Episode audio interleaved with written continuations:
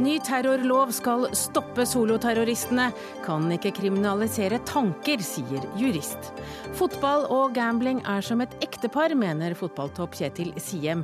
Likevel vurderer han tippeforbud for fotballspillere. Det vil være katastrofalt for Idretts-Norge, svarer Odds-ekspert. Og han lånte bort båten til politiets beredskapstropp 22.07 i fjor. Nå har han og kona skrevet bok om sitt livs mareritt.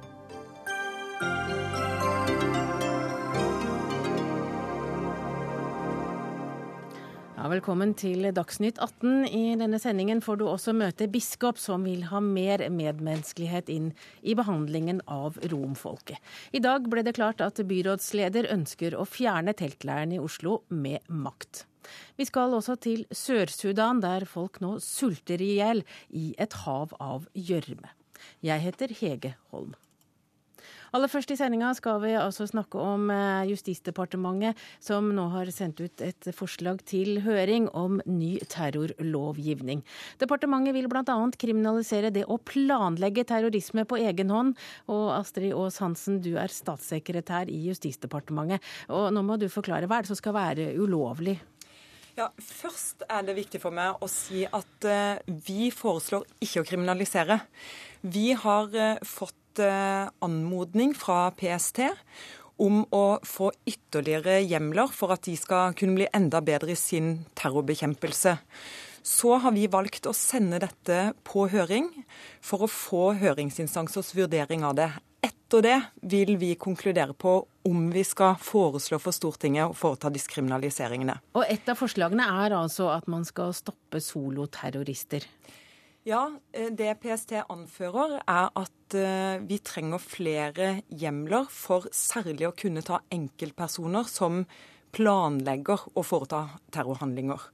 Så eh, PST ønsker at den skal ha mulighet til å gripe inn enda tidligere, altså enda fjernere fra en handling. Og at det ikke som i dag eh, kun er hvis det er flere personer som sammen inngår forbund om å begå terrorhandlinger, men hvor det er kun én person som, eh, som, gjør det. Men da lurer jeg på hvordan man skal klare det? Eh, det ble introdusert med dette å kriminalisere tanke, eller eh, som en juridisk sier, kun det subjektive. Det som ligger i forslaget her, er mer enn bare en persons ønske om å begå terror. Det må òg manifestere seg i visse objektive forhold. Som f.eks. at du deltar på en treningsleir for terrorister, eller at du skaffer deg våpen og informasjon for å kunne begå en terrorhandling.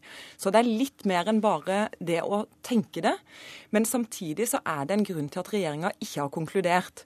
Fordi jo fjernere du kommer fra selve terrorhandlingen, jo større betenkeligheter er det med å kriminalisere det. Ja, og Forslagene som du sier, de er jo basert på forslag fra PST. Men hva er det som veier tyngst? Er det enkeltmenneskets frihet, eller er det statens sikkerhet? Det er jo den balansen som vi ønsker å finne mellom nettopp enkeltmenneskets frihet og befolkningens behov for trygghet, og, og da PSTs behov for å kunne stoppe mulige terrorhandlinger så tidlig som mulig. Men vi er usikre på om de forslagene her har den rette balansen. Eh, og Derfor har vi altså valgt å sende de ut på en åpen høring og få de tilbakemeldingene som eh, da eh, vil komme fra mange instanser, og så konkludere etter det. Ja, og En av de som i dag har reagert, det er deg, Vidar Strømme. Du er advokat og styreleder i Den internasjonale juristkommisjonen, som jobber med juss og menneskerettigheter. Hva syns du om forslaget? Det går veldig vidt. Um, og dette forsøket på å stoppe soloterrorister, det, det, vil nødvendigvis eh, falle tilbake eh, på at det er tanken i hodet på vedkommende som, som, eh, som er avgjørende. Da dette noe tilsvarende ble, ble foreslått for, for, en del år siden, så kommenterte Riksadvokaten det og sa at hvis en person kjøper en øks eller en kniv med tanke på terror, så er det straffbart. Kjøper man øks og kniv uten tanke på terror, men så etterpå kommer på at man vil begå terror, så er det ikke straffbart. Og Det var uakseptabelt med Riksadvokaten, og dette er det samme. Så du frykter at eh, dette ville kunne gå utover eh, mange som egentlig ikke har tenkt annet enn at de skal eh, kløyve ved? For eksempel. nå er det én side av saken, selve straffebudene. Det, det, andre som kanskje er mer vidtrekkende, er jo at, at disse straffebudene kobler seg da til PSTs adgang til å overvåke. For hvis man kan mistenke noen for å ville forberede mm, terror, så, så, kan man altså etterforske og overvåke dem. Og, og sånn som dette utformes, så vil dette lett kunne gjelde store deler av befolkningen, faktisk. Men, men med et slikt lovverk som, som, i hvert fall PST ønsker her, eh, ville man da hatt mulighet til å ta Anders Behring Breivik eh, før 22.07? For det er jo det som ligger i bånn? Ja, det er vel å lete etter nåla i en høystakk. Og, og Janne Kristiansen, tidligere PST-sjef, sa jo med, med, litt uheldige ord kanskje at selv ikke Stasi-Tyskland ville ha klart å finne Behring Breivik. Og det, det, tror jeg nok eh, er riktig. Men det er vel det som ligger i bånn her eh, når departementet sender ut et nytt forslag til lovverk? Ja, Det er riktig at, uh, at, dette er en ny runde på en tidligere diskusjon om en skal kriminalisere forberedelseshandlinger. Da, altså det var først etter 2001 at en fikk egne straffebud om terror i straffeloven. Og da var det tydelig eh, motivert av terrorhandlingene i USA. Den gang så la man til grunn at det var nærmest utenkelig at én person alene ville planlegge å begå terrorhandlinger. Så fikk vi eh, tilbakemeldinger fra andre land, bl.a. Eh, Canada, om at de så en stadig større oppblomstring av enkeltpersoner. Sånn at allerede før 22.07. i fjor så eh, begynte vi diskusjonen om man hadde tilstrekkelig med hjemler for også å kunne ta eh, soloterrorister. Men det er klart at de betenkelighetene som en hadde i forkant av 2005, som det vises til nå, de betenkelighetene er der også i dag. Ja, for det kan jo virke som om en, et slikt lovverk, altså å lete etter en enslig terrorist, kan det være som å lete etter nåla i en høystakk. Men hvis en får en slik terrorlovgivning, så vil jo PST få en del verktøy de ikke har i dag? Ja, til å overvåke. Ja, og det er jo riktig som han sier, at uh, de straffebestemmelsene du har i straffeloven, de korresponderer med hvilke tvangsmidler som politiet uh, kan bruke etter straffeprosessloven. Og der er det òg sendt ut på høring forslag til en utvidelse av virkeområdet. Så hvis man f.eks. kriminaliserer det å delta på en terrortreningsleir, så vil òg politiet kunne få etterforskningsmetoder eh, kobla til det å undersøke eh, hva som skjer med den personen på denne treningsleiren, for å si det litt enkelt. Men Strømme, du som er jurist, hvis du, hvis du gir PST slike fullmakter, eh, hvilke betenkeligheter har du med det? Betenkelighetene er jo de generelle, at vi da lager noe som ligner mer på et overvåkningssamfunn. og Det er jo ikke ønskelig. å å ha det. Eh, og Det er jo klart at det er litt vanskelig å stå imot eh, slike nye regler, som selvfølgelig har gode formål. Fordi at disse rettsstatsprinsippene fremstår som abstrakte og litt vanskelig å forstå, kanskje, mens dette med å bekjempe terrorister eh, er håndfast og svært positivt. Men, men, men jeg mener likevel at det, at det, er viktigere enn noen gang kanskje å, å holde disse prinsipielle, prinsipielle fanene litt, litt høyt. Ja, Rebekka Wosch, du sitter i landsstyret for Venstre. Du syns heller ikke dette forslaget er eh, av det gode? Nei, Hva er det altså, du reagerer på? Ja, jeg, jeg, deler bekymringen uh, Vidar Strømme kommer med. Altså, Venstre er uh, generelt sett selvfølgelig enig i at vi skal diskutere disse tingene. Men når det gjelder det med soloterrorisme og hvordan man skal få tak i enkeltpersoner pga. noe de har tenkt, eller tenkt å gjøre, det fremstår for meg som uh, litt sånn Da er vi i gråsonen til å, å kaste, kaste, fra oss eh, prinsipper rettsstaten er bygget på. Altså Vi må passe oss for at vi ikke kriminaliserer dagligdagse handlinger, overvåker folk eh, pga. noe vi tror de kan komme til å gjøre. Eh, her må vi være veldig forsiktige. Og Dessuten ser jeg også en fare for at vi ender opp med en type symbolpolitikk, altså en lov som ikke er, kan håndheves av politiet, som tvert imot kan vanskeliggjøre politiets arbeid framfor å, å gjøre det enklere. Du, tenker, du, du, kaller det til og med tankepoliti, og det, det ja. får oss til å Da ringer det litt Øst-Europa, ja, altså, litt Stasi og Ja, det, men det er akkurat det bildet jeg får i hodet. Altså Hvis vi skal uh, kriminalisere noe folk tenke eller har tenkt å gjøre. Da, da er vi jo, det er jo nesten der at vi, at vi, må innføre et tankepoliti. Og tankepoliti det er regimer vi ikke ligner, eh, liker å sammenligne oss med, som driver med den type virksomheter. Så her må vi være veldig forsiktige. Og jeg mener at eh, altså Jeg likte mye av det Astrid Aas Hansen sa om at dette skal ut på høring osv. Men faren er det, og akkurat som Vidar Strømme sa, at det er vanskelig å, å, å, gå imot sånne forslag når de først er ute. For det er mange som roper etter sånn sterkere politi og med, med, muligheter til å pågripe folk tidlig. Men vi må ikke glemme at eh, det finnes allmenne rettsprinsipper, og de skal gjelde i gode og i onde dager. Ja, Det er jeg enig i, og det er det som gjør at eh, jo tettere opp en konkret handling du kommer, altså med 22.07, jo vanskeligere er det å ta de diskusjonene og holde fast ved rettsstatens prinsipper. Men dette er jo ikke forslag om å kriminalisere dagligdagse handlinger. Det er jo ikke dagligdags å befinne seg i en terrortreningsleir eh, i utlandet, f.eks. Og allerede i dag så har vi i straffeloven noen eksempler på at man kriminaliserer forberedelseshandlinger. En har straffelovens 161, som sier at hvis du har våpen, ammunisjon, sprengstoff med den hensikt å begå en forbrytelse, så er det straffbart. Men dette skal jo bevises, og det er òg en betenkelighet som vi har ved å innføre disse reglene. Det er at det, det vil være krevende å bevise det, sjøl om du har disse objektive eller konstaterbare holdepunktene i ytre handlinger, så vil det allikevel være krevende. Anders Romarheim, du er med oss, og du er forsker ved Instituttet for, Institutt for forsvarsstudier. Eh, tror du forslagene regjeringen sender ut på høring i dag, vil kunne forhindre terrorisme på norsk jord? Ja, eh, jeg tror det. Eh, jeg ønsker en skjerping av den norske lovgivningen på å avverge terror velkommen. Det, det syns jeg er bra, og jeg syns det er en fin måte det nå skjer på, og med de rette betenkningene fra Justisdepartementet. Men når du hører Bosch og Strømmer, tenker du at eh, vi er litt naive?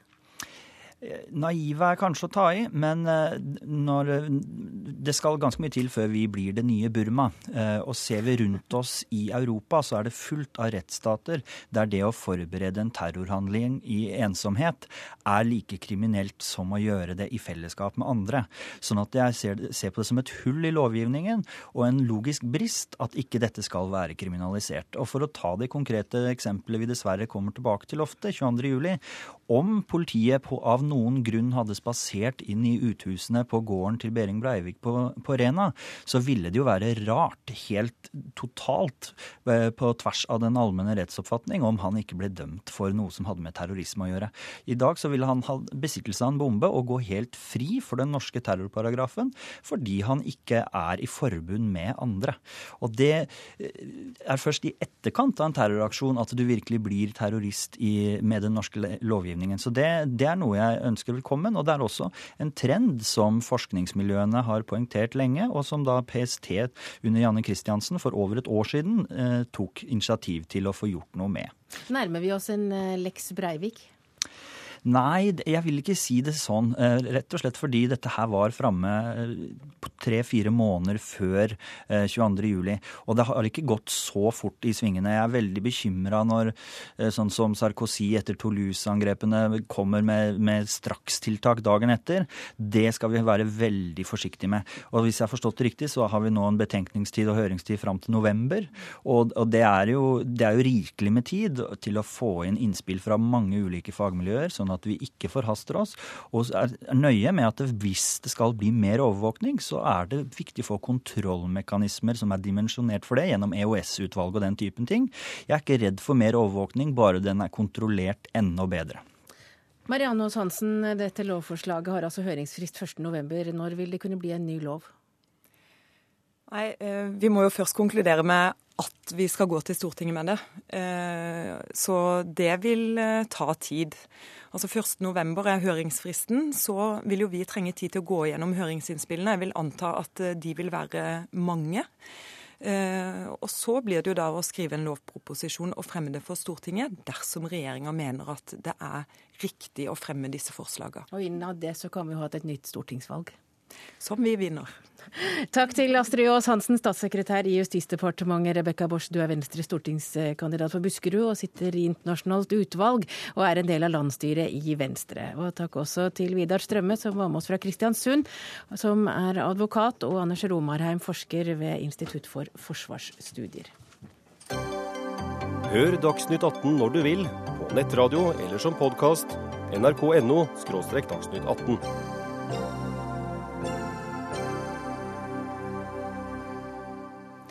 Da skal vi ut i verden, for mandag feiret Sør-Sudan sitt første år som en egen stat. Men det betyr langt ifra fred mellom de to tidligere partene som nå er delt i Sudan og Sør-Sudan. På grensen mellom de to landene flykter nå tusenvis av mennesker fra nord til sør, og Leger uten grenser varsler katastrofe. Andre hjelpeorganisasjoner roper på handling fra verdenssamfunnet for å stoppe volden mot befolkningen. Og Rakel Ludvigsen, du er sykepleier i Leger uten grenser grenser. Du har vært i begge landene mange ganger. Hva er det som skjer nå? Det som skjer, er at det har utvikla seg en særdeles alvorlig situasjon. Um, de siste rapportene fra teamet vårt eh, på bakken der, som nå består av 70 internasjonale hjelpearbeidere, der får vi altså dødstall som er langt over det som normalt sett er en grense for en katastrofesituasjon. Eh, litt enkel matematikk og omsett til norske forhold, så tilsvarer situasjonen i en av leirene der eh, at 18 mennesker dør eh, per dag, barn, i en befolkning som tilsvarer Tromsøs befolkning. Det i seg selv er en veldig klar pekepinn på hvordan omstendighetene er. I tillegg til det så er det nå de praktiske forholdene i dette området. Det er et stort, helt flatt område som er en savanne. Eh, hvor eh, regntida nå medfører et gedigent gjørmebad både for flyktningene og for oss som jobber på bakken. Eh, det medfører uheldige omstendigheter når det gjelder hygiene. Så vi ser nå at bl.a. 65% av pasientene våre i de overfylte klinikkene er syke av diarésykdommer. Um, vannmangel er paradoksalt nok et stort problem. Uh, man skulle tro at når det regna voldsomt i et tropisk område, så var det et uh, ikke-eksisterende problem. Men her er det ikke noe bakke som filtrerer regnvann og gjør det rent. Her er det kun gjørmete overflatevann som må renses. Mm. Oppgavene er store. Ja, og Utviklingsminister Heikki Holmås, du er med oss fra hovedstaden Khartoum i Sudan. Og du har tidligere i uken vært med på ettårsdagen til Sør-Sudan i hovedstaden Juba. Hvorfor klarer ikke Sudan og Sør-Sudan å holde fred med hverandre? De krangler om eh, ressurser, de krangler om landområder. fordi at dette her er to eh, land som eh, har vært i krig med hverandre. Det har vært en borgerkrig i det som er Afrikas lengste borgerkrig.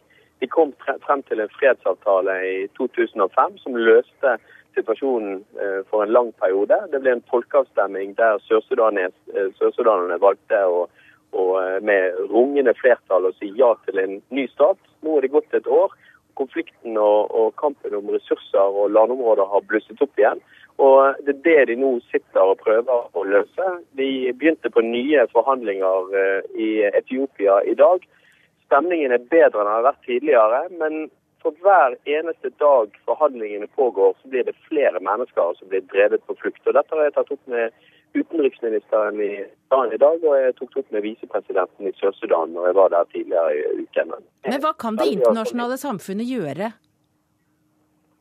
To ting. Det ene det internasjonale samfunnet må gjøre, er å stille mer opp for den akutte flyktningsituasjonen.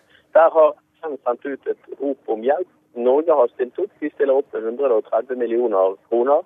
Eh, men resten av behovene er mye mye større enn de pengene som FN har fått inn.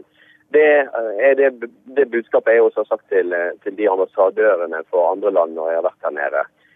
Det andre er at vi er nødt for å hjelpe de to landene til å komme frem til en enighet. Uten at vi får sikkerhet, uten at vi får en fredsprosess og en politisk prosess, i de områdene der flyktningene nå flykter, flykter fra, så eh, vil ikke dette her komme på plass. og Da vil folk fortsette å flykte til områder der de kommer til å bli rammet av diaré og, og, andre alvorlige sykdommer som, som, eh, som det her blir snakket om fra, fra Leger uten grenser. Og Vi har også med oss landdirektør i Norsk Folkehjelp, Jan Ledang. Du er vanligvis basert i Juba, og du mener at nå må verdenssamfunnet trå til. Nå hører du jo Holmås forteller at verdenssamfunnet gjør jo en del, men eh, du mener at altså at det ikke er nok? Nei, det er helt klart at det trengs en internasjonal voldgift for å få fredsavtalen på plass. Og det, eh, det internasjonale samfunnet slapp nok eh, problemet litt for tidlig. De skulle ha sett at begge land implementerte avtalen. Det er en av grunnene til at vi ser et flyktningproblem i dag. Og jeg har lyst til å si at Sør-Sudan må vel ha verdens verste nabo i Sudan og Khartoum-regimet. Det må du nesten forklare. Ja, eh, for det første så har de jo eh, gjort grenseoverkrenkelser stadig vekk. Vi har bombet inne på Sørs territorium. Eh, flere ganger, også flyktningleirer. Og så det aller verste Grunnen til at vi har dette flyktningproblemet akutte på grensen inne på Sør-Sudan nå, er jo at det er flyktninger fra nord som ble bombet av sin egen eh, regjering, både i Blånilen og i Nubafjellene. Og det som ikke kommer helt fram her, det er jo at det er veldig mange som aldri klarer å komme seg over grensen til Sør-Sudan og komme i sikkerhet i en flyktningleir. Nå hører vi at de er dårlig organisert, og det er mye å si om det. Og dette, dette er først og fremst FNs ansvar. Men det, eh, det, vi får høre, er at veldig mange eldre, syke, de, de klarer ikke å gå disse store avstandene som det er inne i disse områdene, og komme seg over grensen enten til Sør-Sudan eller til Etiopia. Så, så det, er, det, er, kritisk. Ja, og Heikki Holmås, eh, nå hører du altså at det er kritisk og at eh, FN kanskje burde gjøre mer. Er verdenssamfunnet nok opptatt av denne, ja, noe som kan bli en virkelig human katastrofe? Det er jo alltid sånn at det det blir sendt bilder av, og det som er øverst på dagsordenen, er også det som verdenssamfunnet er mest opptatt av. Det er klart, Sør-Sudan og konflikten i Sør-Sudan har vært uh, mye oppmerksomhet om. Det er en, eksempel, Går du til USA, så er det en helt annen oppmerksomhet rundt konflikten i Sør-Sudan og støtten til, uh, til folk i Sør-Sudan enn, enn det du har veldig veldig mange andre steder i verden. Men det må gjøres mer fra verdenssamfunnets side for å hjelpe de flyktningene som nå er akutt i nød. Og FN sin høykommissær for flyktninger sa fra veldig veldig klart uh, til meg når jeg snakket med de tidligere uken, at uh, de folkene som nå kommer til flyktningleirene, de er utmattet og syke alt når de kommer frem. Uh, og det, det, gjør jo de også selvfølgelig mye mer sårbare mens de er i flyktningleirene. Og Det som også var litt deprimerende i de samtalene jeg hadde med, med utenriksministeren i Sudan i dag, er at de ser på dette som folk som bor i et opprørsområde, eh, som, eh, som sjøl må ta ansvar for seg sjøl. Og så sier de at når de har flyktet over til Sør-Sudan, så er det Sør-Sudan som må ta ansvar for flyktningene. Og det, det er etter min oppfatning en, en klar ansvarsfraskrivelse. Det var også min klare melding. Og Det er derfor det eneste som kan klare å få til en stopp i flyktningstrømmen, er at de to, eh, både Sør-Sudan og Sudan klarer å bli enige om en politisk prosess i, eh, i Sør-Kordofan og, og Blånilen. At de klarer å bli enige om sikkerhet langs grensene. At de klarer å bli enige om, om det å skape inntekter til, til, begge landene som, som ligger i, i, i oljetransporten. For begge landene taper nå på at dette er en konflikt, både økonomisk, men også veldig, veldig menneskelig. Men det er det storpolitiske planet. Rakel Ludvigsen, hva må til for å redde alle de menneskene som nå står i fare for å dø av sult og tørst og, og sykdommer? Ja, det, det, som er helt klart eh, på bakken, det er at flere organisasjoner må komme i gang med nødhjelpsarbeidet. FN ikke minst. FNs høykommissær for flyktninger har en stor rolle, og vi ser ikke nok av dem på bakken. En av leirene som heter Yaman, den er helt overfylt av vann. Teamet der sier at det finnes kun én løsning på akkurat den situasjonen. Det er å flytte 35 000 flyktninger. Ehm, vi har, ser situasjonen så alvorlig, også med tanke på framtida nå nærmeste månedene, så vil det regne. Vi starter en egen innsamlingsaksjon for de her flyktningene nå fra Leger uten grenser sin side. Det koster mye penger, og det krever veldig mye ressurser. Men vi må trø til nå maksimalt for at eh, folk skal få oppleve at de politiske prosessene på et tidspunkt gir resultater, og at det blir et godt land å bo i i Sør-Sudan. Er det penger eller er det politisk vilje fra myndighetene som mangler? Det er vanskelig å si, men vi ser i hvert fall at resultatet på bakken ikke er sterkt nok. Vi må ha mer ressurser inn i området. Eh, og det må skje raskt. Vi kan ikke miste unger i like stor grad hver dag. Det er en altfor bestialsk uttynning av en befolkning som allerede har flykta fra livsfarlige handlinger på andre sida av grensa, og kommer over til et hjelpeapparat som er inkompetent, og som ikke gir de grunnleggende eh, tilbudet som de trenger for å overleve. De klarer ikke sjøl å overleve her. Så her må det jobbes på flere plan for å få en løsning mellom Sudan og Sør-Sudan. Takk til Rakel Ludvigsen fra Leger uten grenser, Heikki Holmås, utviklingsministeren vår som er i Sudan, og fra Kristiansand, Jan Ledang, Norsk Folkehjelps landdirektør i Sudan.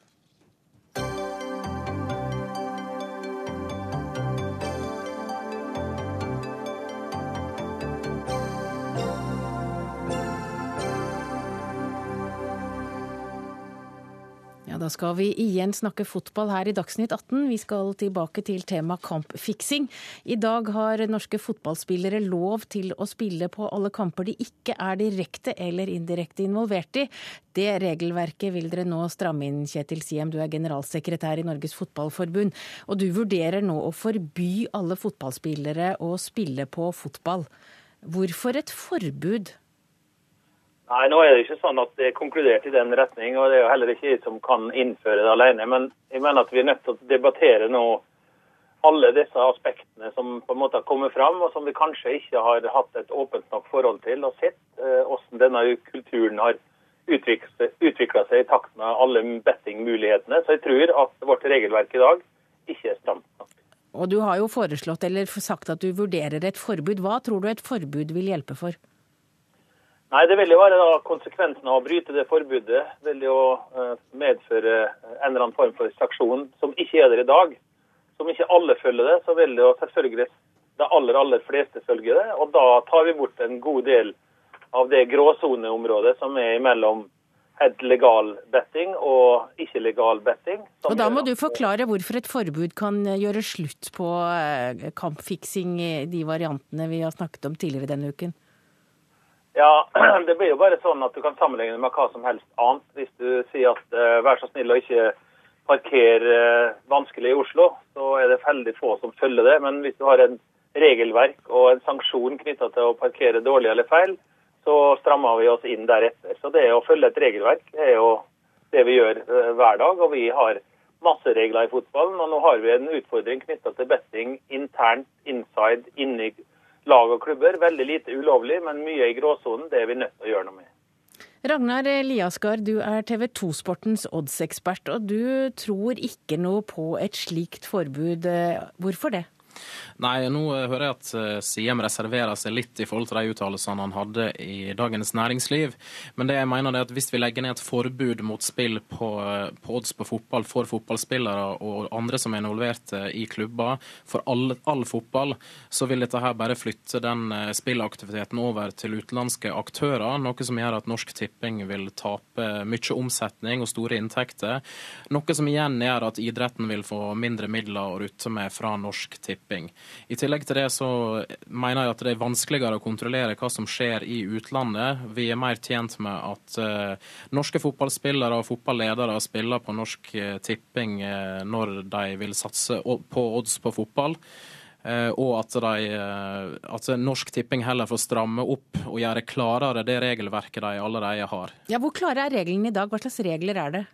Det som er sagt, men som tydeligvis har vært en del usikkerhet rundt, det er at du ikke har lov til å spille på kamper der du sjøl er direkte eller indirekte involvert. Det vil jo da si eh, de, kamper på, der ditt eget lag er involvert, så har du ikke lov til å satse kroner på det. Så er det usikkerhet hos mange, hører jeg, om det er lov å satse på eh, andre lag til den respektive klubben. Og det var jo også en problemstilling som Siam tok opp i Dagens Næringsliv i dag. Ja, og Siem, Du snakker jo om at det er mange gråsoner, og dette er en måte å på en måte klargjøre noen av gråsonene. Men har dere egentlig sovet litt i timen som først innser det nå? Ja, det kan du godt si, men jeg er nødt til å kommentere det han sier. fordi at Han eh, framstiller som om at vi ønsker at det blir forbud mot tipping på eh, hos Norsk Tipping, vår samarbeidspartner, mens vi da på en måte vil åpne opp for ut, utenlandsk bettingselskaper. Det er jo det motsatte. Ja, det var ikke sånn... det var, ikke, det, var ikke, det var ikke det jeg mente, men hvis vi skal, eneste måten vi kan innføre et forbud på i Norge, er jo gjennom Norsk Tipping. For vi, i Norge, nei, nei, nei, i Norge har jo ikke vi kontroll på hva utenlandske bookmakere er. Nei, nei, du misforstår fullstendig. I standardkontrakten til spilleren så trenger du ikke definere om du better i Norge eller utlandet. Du bare sier at det ikke er lov å bette hvis du vil gå så langt. Om du da better til utlandet eller til Norge, spiller ingen rolle. Du har ikke lov. Så Det har ingenting med Norge og utlandet i forhold til Norsk Tipping å gjøre. Generelt forbud vil selvsagt gjelde både inn- og utland hvis du innfører det. Men hvordan skal vi da ha kontroll på hva som blir satt av innsatser i utlandet? Hvordan skal du ha kontroll på når folk feilparkerer? Det er akkurat det samme. Du må registrere det som, som bruker når du better i utlandet. Og selv om du kan klare å lure det unna, så kan du ikke dermed si at vi kan ikke ha det forbudet, for det går an å lures unna. Det er ikke det det handler om. Vi må opplære våre unge fotballspillere til at dette er en kultur som vi må være forsiktige med. Og Vi har- vil jeg tro. Og vi har med oss en ekte fotballspiller her. Kristoffer Paulsen Vadshaug, du er fotballspiller for Molde fotballklubb. Hva syns du om forslaget om å totalforby spill for fotballspillere? Uh, vi Som er eh, involvert, da. Ja. Vi som spillere er jo først og fremst eh, opptatt av fotballens anseelse og, og vår egen integritet i det her.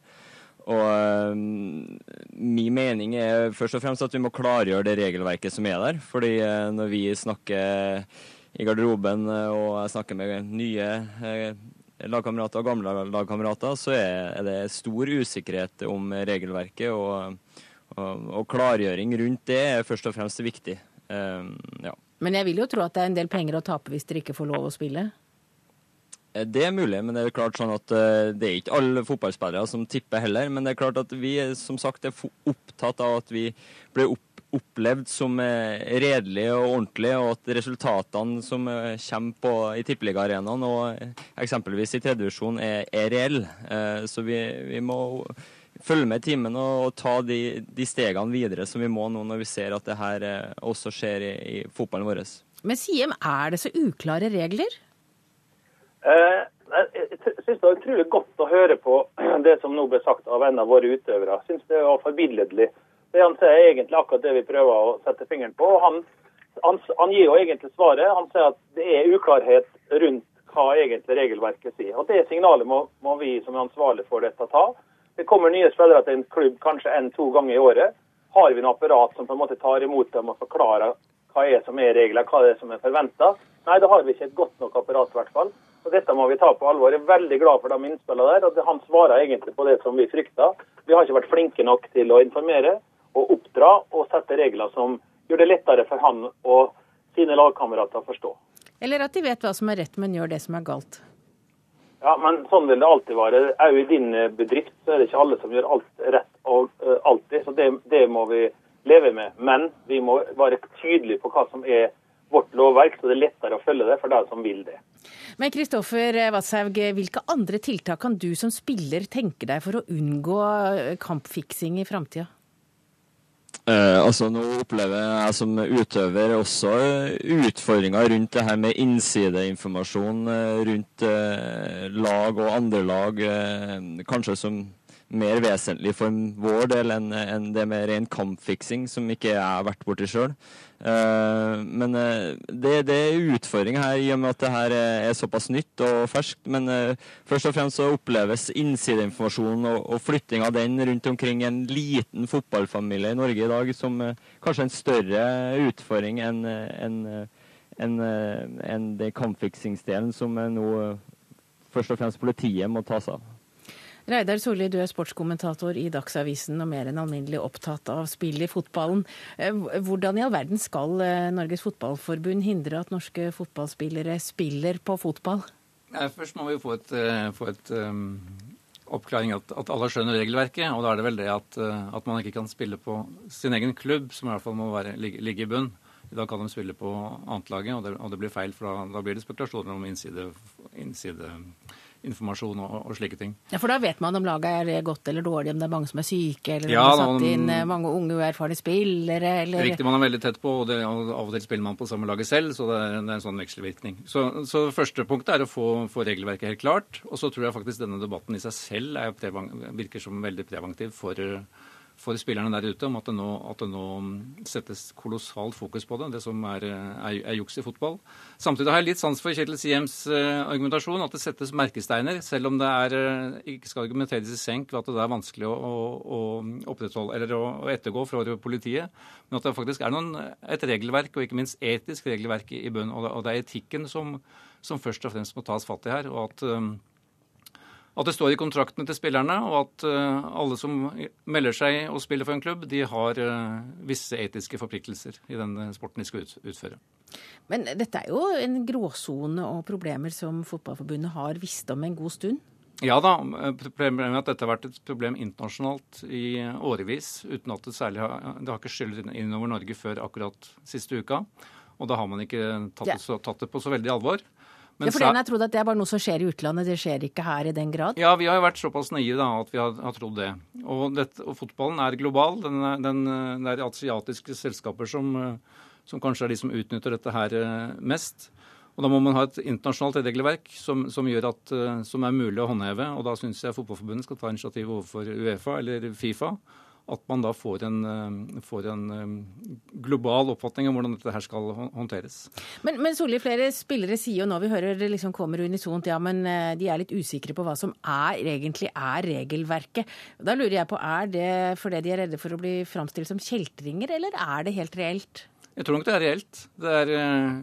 Fotballspillere kan, Mange fotballspillere er gode til å spille fotball, men er ikke like, på, like gode på regler, regelverk. Men, men de er glad i å spille? Det, mange er det. Kanskje litt for mange. Jeg vil også snu det litt på hodet og kanskje sette mer fokus på spilleselskapene. Om det, om det er noe der man kan, kan, gjøre. Slik det er i dag, så er det jo ingen begrensninger for hva spillselskapene kan finne på av objekter. Bortsett fra i Norsk Tipping er det regulert, og i Norge er det regulert. Men internasjonalt er det altså fritt fram. Du kan spille på inntil 70 forskjellige objekter i forbindelse med én fotballkamp. Og det trigger veldig også de som lider av spillegalskap. Og det er, en, eh, det er i den enden jeg gjerne ville sett at det kunne bli satt inn tiltak, uten at jeg har veldig konkrete forslag til hvordan det skal gjøres. Ja, Kjetil Siem, da hører du Solli her komme med forslag til tiltak og ting dere bør se på. Er du eh, enig? Jeg er veldig enig. og Det, det er sånn i, i, måten vi er organisert på, så med et tett forhold til Norsk Tipping gjennom tippemidlene og som sponsor av Tippeligaen, eller Bettingligaen, så har jo vi gifta oss med bettingselskapet i Norge. Eh, de er på en måte eid av kulturministeren. Det er vi òg. Og nå har vi blitt enige om et møte som eh, presidenten og kulturministeren og ledelsen av Norsk Tipping eh, skal ha med oss i administrasjonene i august, hvor dette står på kartet. Og det er veldig bra. Det begynte lenge før dette begynte, men det passer på en måte veldig godt nå at det kommer på agendaen. Så jeg er helt enig i det som er sagt. Vi må gjenta imponert over spilleren som er representert her. Det viser at vi har mange gode holdnings sterke spillere i Norge. Så at eh, vi må håpe og tro at dette er mye mye mindre enn kan frykte. At vi nå kan få sett fokus på det og på en måte rydde opp i regelverk og etikken. Vi har en etisk komité i Fotballforbundet som nå får dette på bordet rett over ferien. Så ja, jeg må få lov å være positiv. Ja, og jeg vil også, Det er viktig at vi poengterer Follo her, som er klubben som er rammet. Som faktisk prisverdig nok slo alarm, gikk til Fotballforbundet og satte hele denne ballen i gang. Og det sa altså Reidar Solli, sportskommentator i Dagsavisen. Takk til deg. Takk også til eh, Kjetil Siem, generalsekretær i Norges Fotballforbund, Kristoffer Watshaug, tillitsvalgt fotballspiller for Molde fotballklubb, og Ragnar, Ragnar TV-sportens Odd-ekspert.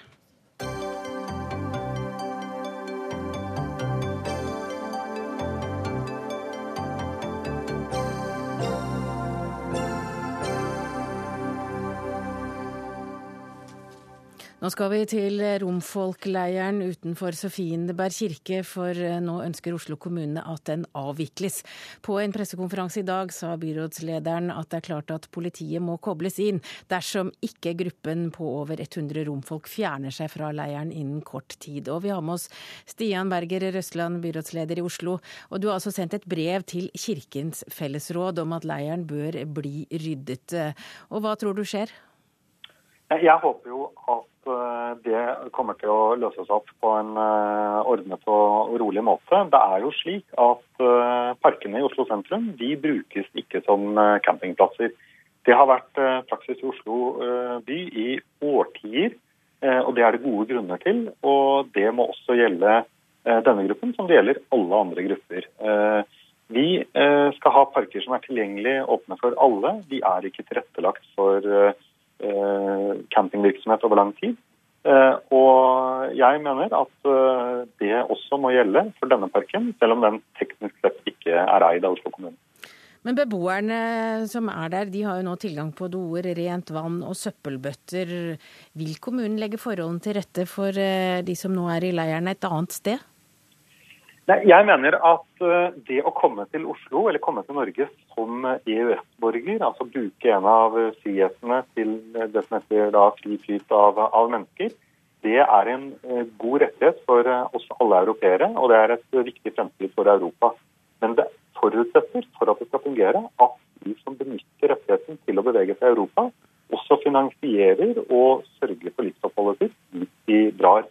Man kan ikke forvente og forutsette at uh, man kan dra fra sitt eget land, sin egen by, til en annen by og et annet land, og at uh, den byen og det landet uten videre skal uh, finansiere oppholdet. Da kommer dette systemet til å bryte sammen. Eh, og det er ikke forutsetningen for noen grupper, noen EØS-borgere, at eh, man kan, eh, man kan, forutsette et sånt engasjement. Men nå kan jo Oslo kommune ønske at denne gruppen fjerner seg fra utsiden av Sofienberg kirke, men det er kirken som eier grunnen. Og Ingar Seierstad, du er prost i Nordre Aker. Byrådslederen har også sendt et brev til Kirkelig fellesråd. Hvordan forholder dere dere til den? Ja, det er sendt til fellesråd og til Oslo biskop. Vi var jo ikke overrasket over innholdet. Vi har vært i møte med kommunen på tidligere tidspunkt og fått disse signalene. Eh, vi skjønner jo bakgrunnen for brevet ganske godt. Og det var en situasjon som eh, kom til oss, og vi bestemte at vi ville ta imot dem på en ordentlig måte.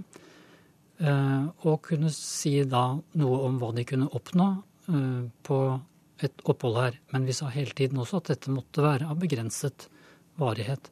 Så slik sett så er vi grunnleggende enige. Men et, en begrenset varighet, hvor lenge? Ja, det, Vil de måtte finne seg et annet sted å være fra i morgen? Eh, det vil jeg ikke uttale akkurat her og nå, fordi vi skal ha et møte med dem det gjelder i morgen tidlig. Og jeg syns det er helt riktig at det er de som skal få høre det først, og deretter så blir det sagt i offentligheten. Ja, det kan vel høres ut som dagene og timene er talte. Bjørnulf Evenrud, du er sekretær i organisasjonen Folk er folk, og dere jobber for å bedre romfolkets situasjon. Og du er jo på en måte litt blitt en talsmann for denne leiren. Tidligere denne uka fortalte du at romfolket søkte kirker for å få fred fra politiet, og nå ser det ut som kanskje de må flyttes igjen? Eh, jeg stoler fullt og helt på den prosessen som har startet. Eh, de har søkt Kirken for beskyttelse. De har historier å fortelle som tyder på at de blir utsatt for systematisk og ulovlig eh, polititrakassering. Eh, vi vet at eh, biskop Kvarme har tatt initiativ til å ha en prosess med ansvarlige myndigheter, i første omgang med politimesteren i Oslo. Så vi stoler fullt og helt på den prosessen. Seierstad, hvis ikke, hvis ikke de vil flytte, hva gjør dere da? Det vil jeg heller ikke snakke om nå, for dette skal gjøres kjent i morgen. Men uh, vi tror at vi skal få til en verdig og fredelig avvikling. Og vi tror at det vil i høy grad tjene deres sak også.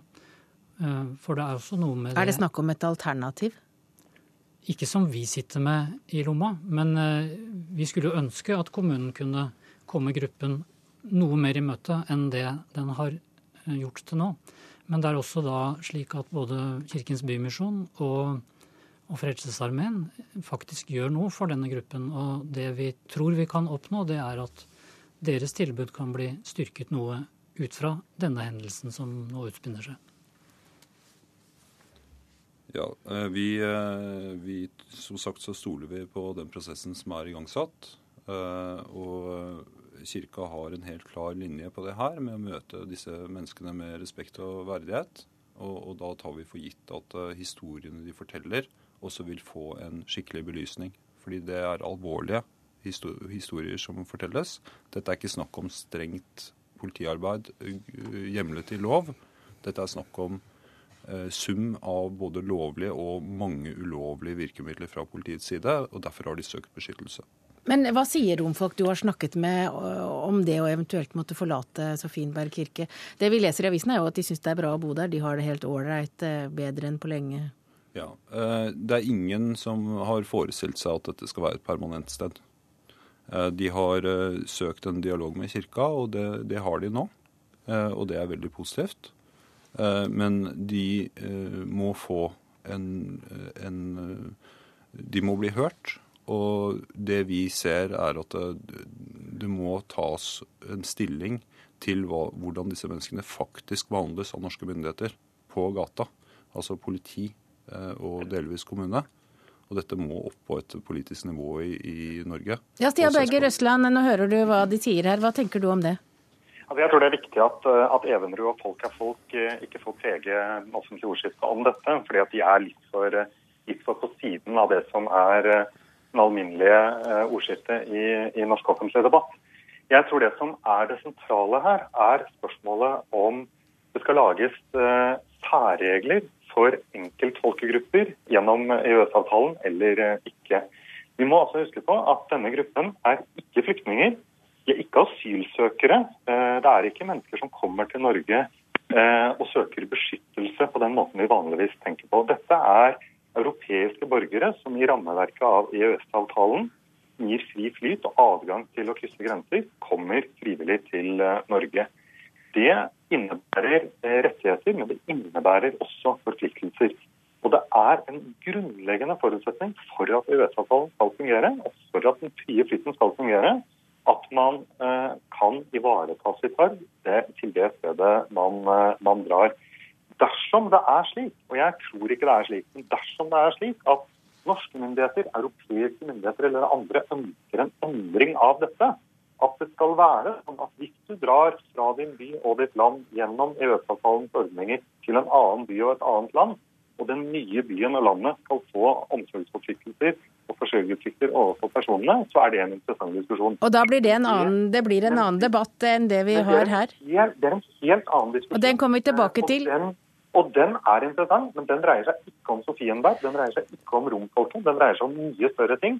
Det vi skal forsøke å forholde oss til nå, er hvordan Eh, vi møter mennesker som kommer til Oslo som EØS-borgere. Vi skal møte med respekt, vi skal møte dem med verdighet. Og det, og det, er det vi snakker om. Og vi har, en gjest, vi har med oss en gjest til her som også er opptatt av det med verdighet. Eh, Tor Berger Jørgensen, du er biskop i Sør-Hålogaland.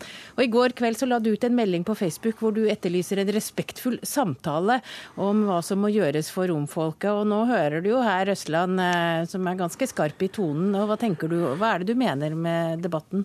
Jeg syns jo, eh, sånn som en har talt fra kirkens side her gjennom eh, prost Seierstad, svarer veldig mye til min måte å nærme seg dette på.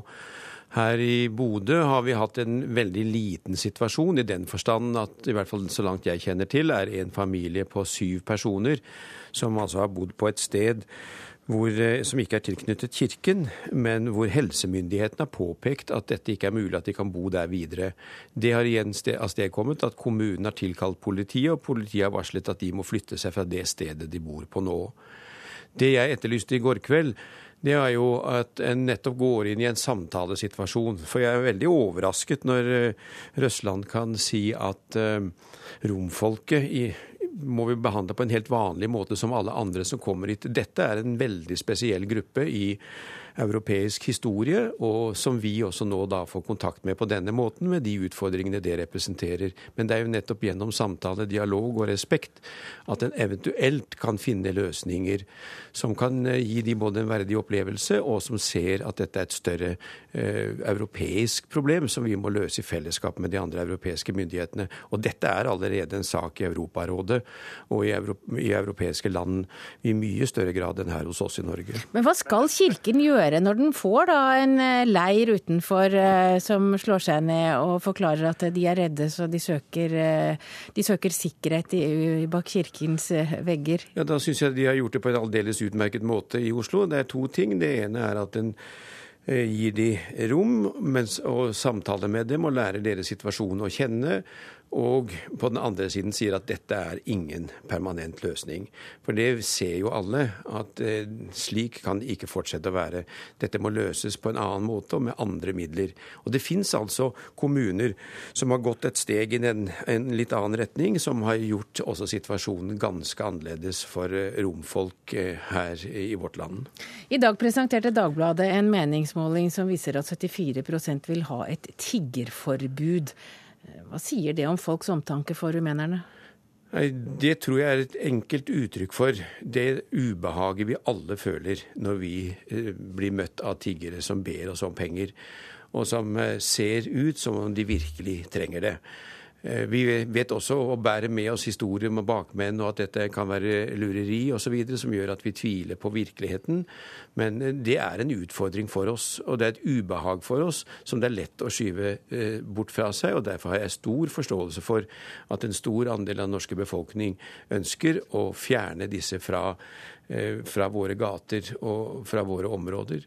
Men det løser jo heller ikke noe problem for denne gruppen, og det tenker jeg er viktig for oss eh, å understreke. Dette er en utsatt gruppe, den må vi ta Eh, med inn i våre samtaler og prøve å finne løsninger som gjør livet mer verdig for dem. Og I morgen skal altså Kirken ha et møte med romfolket som har samlet seg utenfor Sofienberg kirke i Oslo. Takk til eh, deg, Tor Berger Jørgensen, du er biskop i Sør-Hålogaland. Takk også til Bønne Løvenrud, sekretær i organisasjonen Folk er folk. Og Ingar Seierstev, du er prost i Nordre Aker prosti, og Stian Berger Røsland, byrådsleder i Oslo.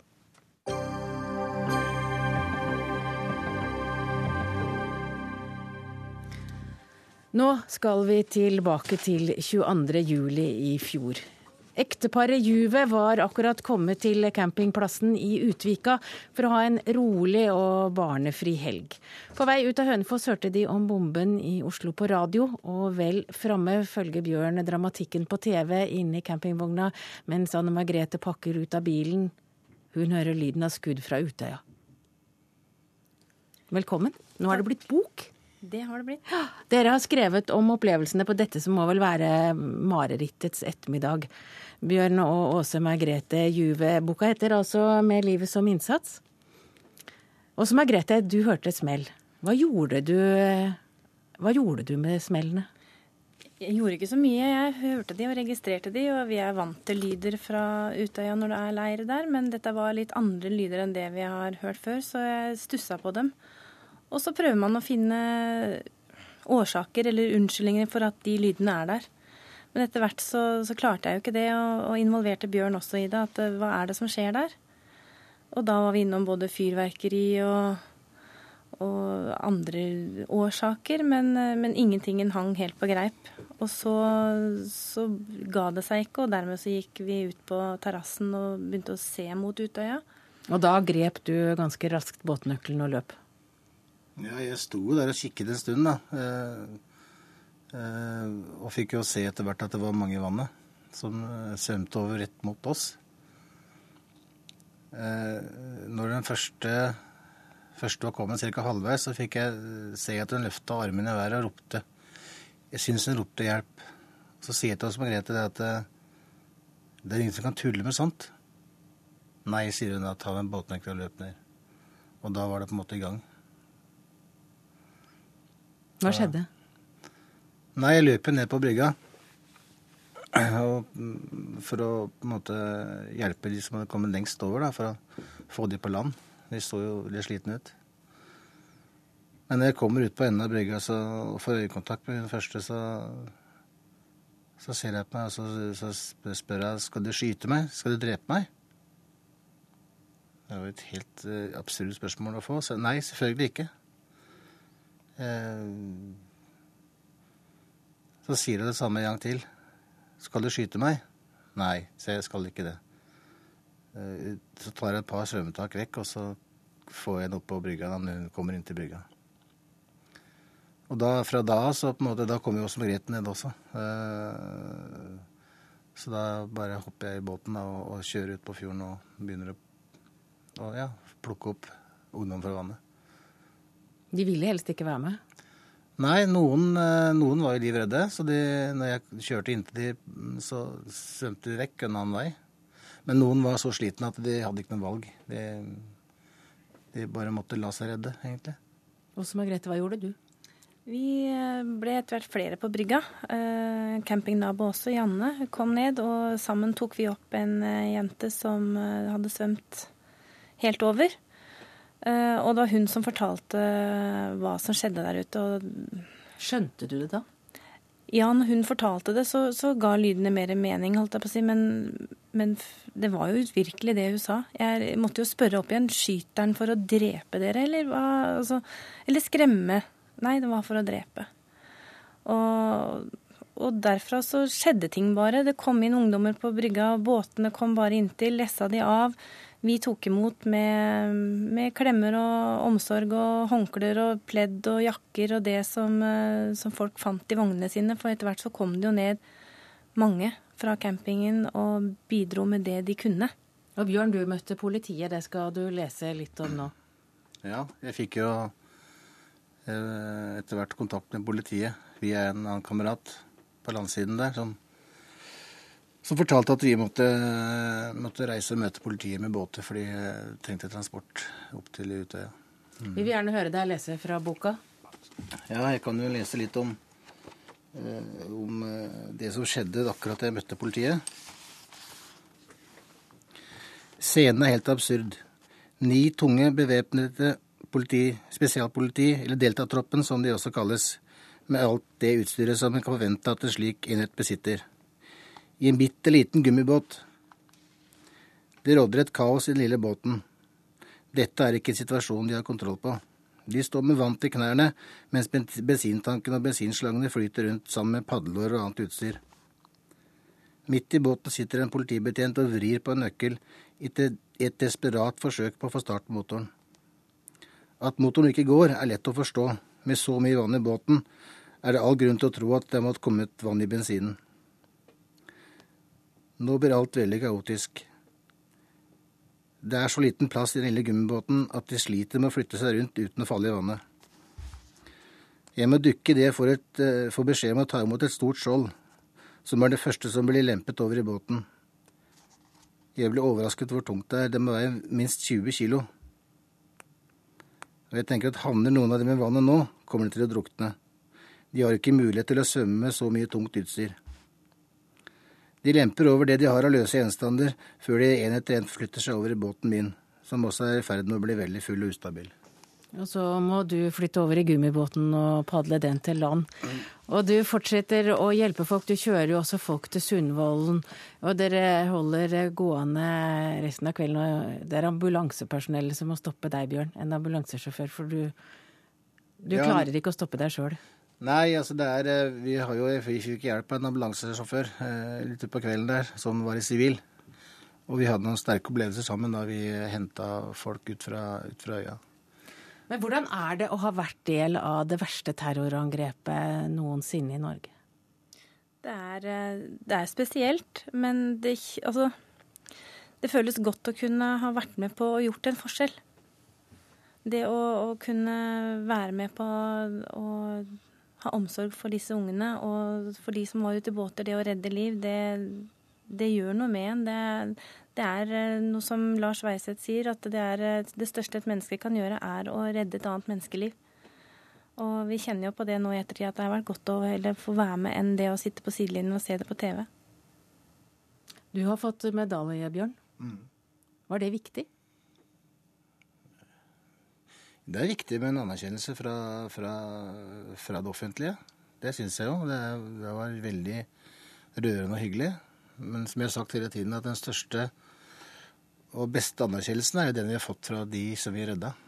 Eh, Og de har hatt kontakt med etterkant. Det betyr jo aller, aller mest, da. Det gjør det.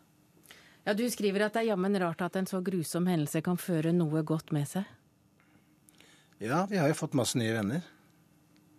Eh, og de vennene vi hadde før, har blitt enda mer sterkt knytta til. Eh, og de menneskene vi har blitt kjent med eh, etterpå, som har tatt kontakt med oss fordi de har funnet ut hvem det var som plukka deg på vannet, eller redda deg ut fra øya på baksiden og sånne ting. Og det er sånne gode ting og gode, gode minner å ha med seg oppi alt grusomme. Og nå klarer du å sove òg? Ja, nå går det bedre. Det gjør det. Takk til dere, Bjørn og Åse Margrethe Juve, som har skrevet eh, boken 'Med livet som innsats'. Denne sendinga fra Dagsnytt 18 er over. Ansvarlig Karoline Rugeldal, Finn Lie og jeg heter Hege Holm.